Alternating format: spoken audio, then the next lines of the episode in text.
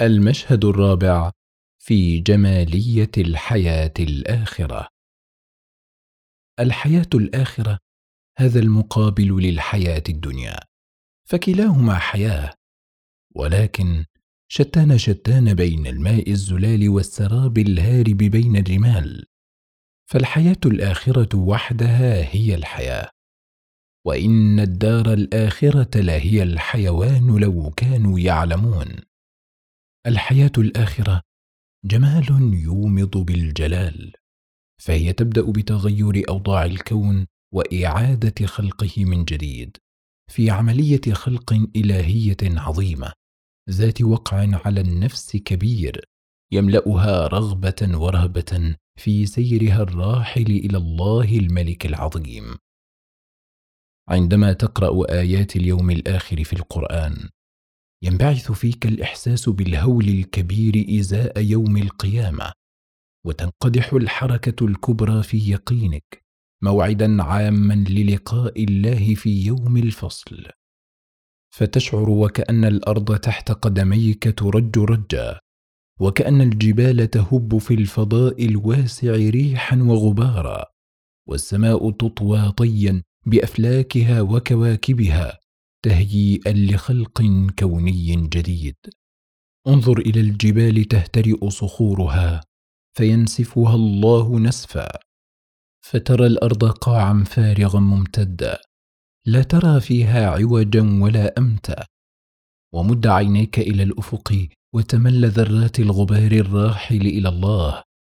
فقبل قليل بل قبل أقل من ومضة برق أو قبل أقل من لمحة عين كان جبال الراسيات ترسخت متانتها أوتادا عبر أزمنة جيولوجية شتى.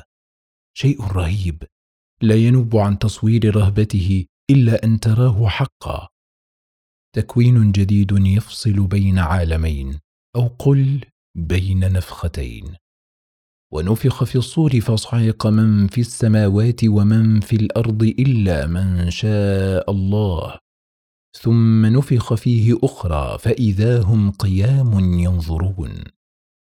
وترى بعينيك أهوال القيامة صعقا ونشورا فيزداد مقام الخوف والرجاء بذاتك توهجا. وتتذلل بين يدي سيدك مرتلا آياته عبر شلال دمع متبتل منيب. يا أيها الناس اتقوا ربكم إن زلزلة الساعة شيء عظيم.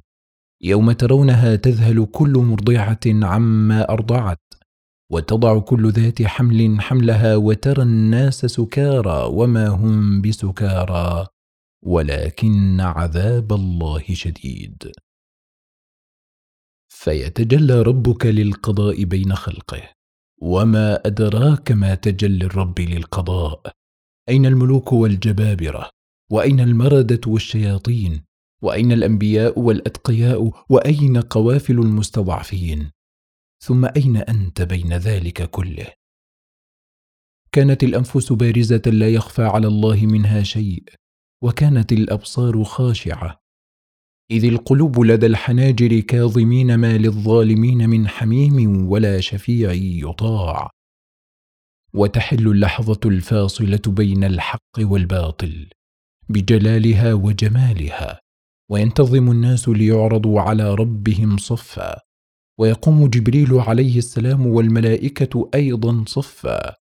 و وأشرقت الأرض بنور ربها ووضع الكتاب وجيء بالنبيين والشهداء وقضي بينهم بالحق وهم لا يظلمون. فيتشكل الناس بعد ذلك فريقين. كل فريق يمضي إلى عكس جهة الآخر. افواجا افواجا. فيفترق بافتراقهما مقام الخوف والرجاء إلى الأبد. وسيق الذين كفروا إلى جهنم زمرا. وقال تعالى وسيق الذين اتقوا ربهم إلى الجنة زمرا. كانت الصور تمر حية بمقامك وأنت راحل عنك إلى حيث مشاهدها. وكانت الجوانح يطفح لهيبها ببكاء عميق. خوفا أن يزيغ البصر عن محراب القانتين. فيرجك سؤال الملك الجبار لمن الملك اليوم؟ وتمضي مع الترتيل الجميل مسلما لله الواحد القهار. وللآخرة في ذوق العبد السالك جمال آخر. لو لم يكن من جمال الآخرة وجلالها إلا حقيقة الفصل بين الخلائق لكفى بها جمالا في الشعور والاعتقاد. ألا ترى هذا التدفق البشري في الحياة الدنيا؟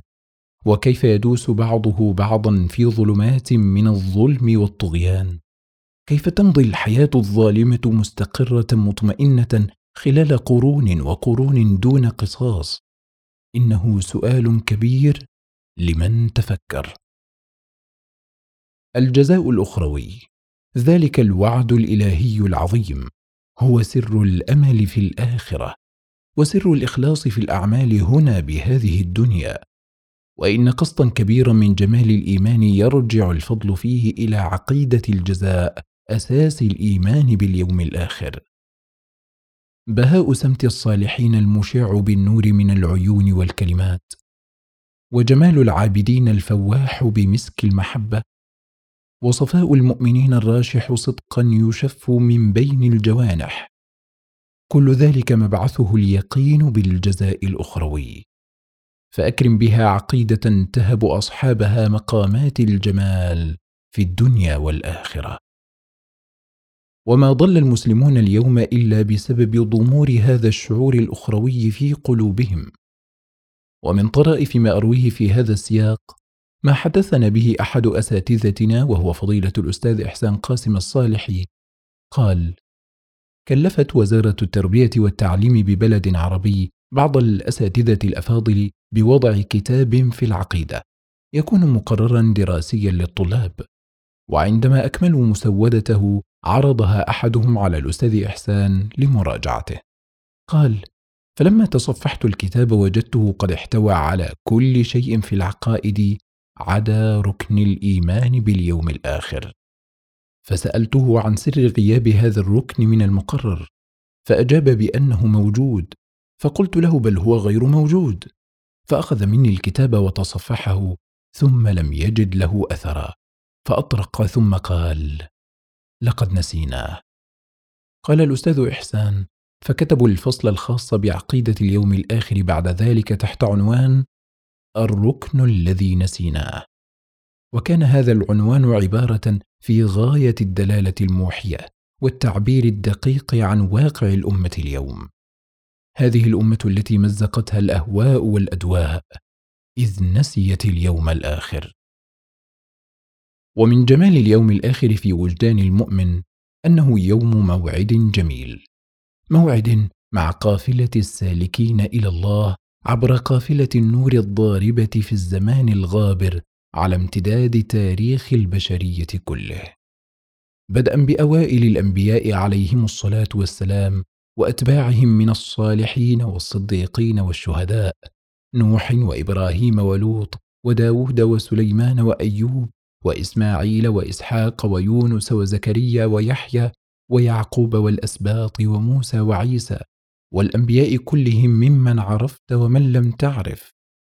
حتى نبينا الكريم محمد عليه أفضل الصلاة والسلام رسل وأنبياء خاضوا معارك الحق في سبيل نشر النور وعانوا من عنة الجاهلية شدة وآلاما فثبتوا وكانوا خير العابدين. أنت هنا في اليوم الآخر تلقاهم جميعا يحملون معهم تفاصيل قصصهم الشيق الجميل. وأنوار سيرهم الطاهر المتبتل. تعددت اللغات والقصد واحد. هذا هو الدين. رب واحد وأمة واحدة. فقد قال سبحانه في سورة الأنبياء بعد ذكر عدد منهم إن هذه أمتكم أمة واحدة وأنا ربكم فاعبدون. هذا هو الأصل ولكن الناس اختلفوا. قال عز وجل بعد ذلك مباشرة وتقطعوا أمرهم بينهم كل إلينا راجعون. فجاء الإسلام بعد هذا الشتات والتفرق عبر السبل ونسخ الأديان السابقة كلها نسخ تصحيح وتأصيل لإرجاع جمال الدين الأوحد إلى الناس. إن الدين عند الله الإسلام. هذا هو الإسلام. فيه جمال الاتباع للرسول محمد بن عبد الله صلى الله عليه وسلم. وجمال الانتظام في سلك المحبين تحليقا في سماء الروح مع الطير الآيبة إلى الله. فوحدة السير عبر التاريخ تملأ القلب العابد انسا ونشاطا ولو كان يمشي في زمانه الغريب فردا. ولليوم الآخر أيضا جمال الرحيل إلى بلاد الله الخضراء جنة الرضوان. هناك حيث تلقى محمدا وصحبه. وقافلة الأحبة. وللجنة في أخبار القرآن الكريم والسنة النبوية بهاء آخر. لا تغني عنه كلمات عبد عاجز مثلي ولا تنوب عن عبارة الوحي فيه ألفاظ مخلوق أسير التراب. ولقد صور الله دخولها تصويرا فيه بهاء وجلال يأخذ بالألباب وتتعلق به القلوب.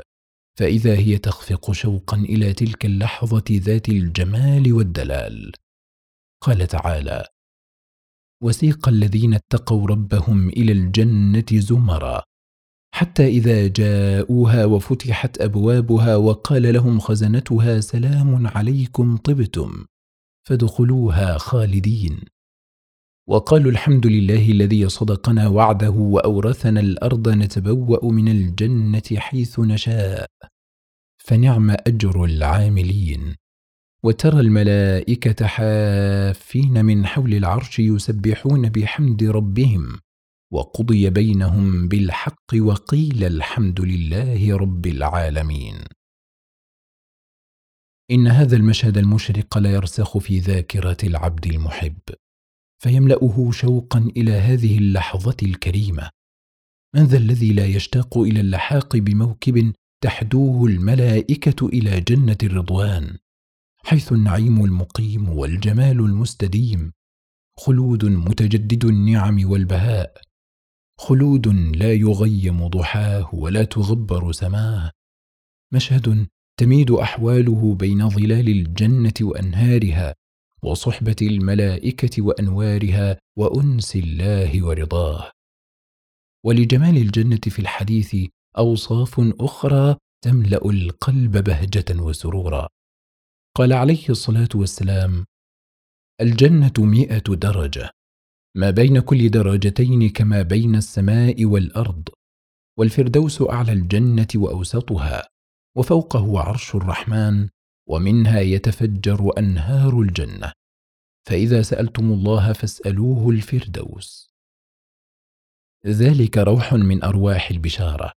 وعبير من أريج الحداء النبوي.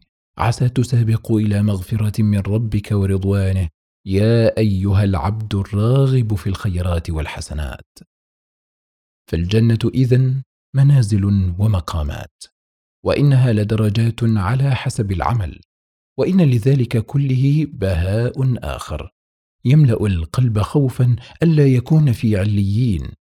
وإن لمشاهد الجمال هناك لذوقا تواقا.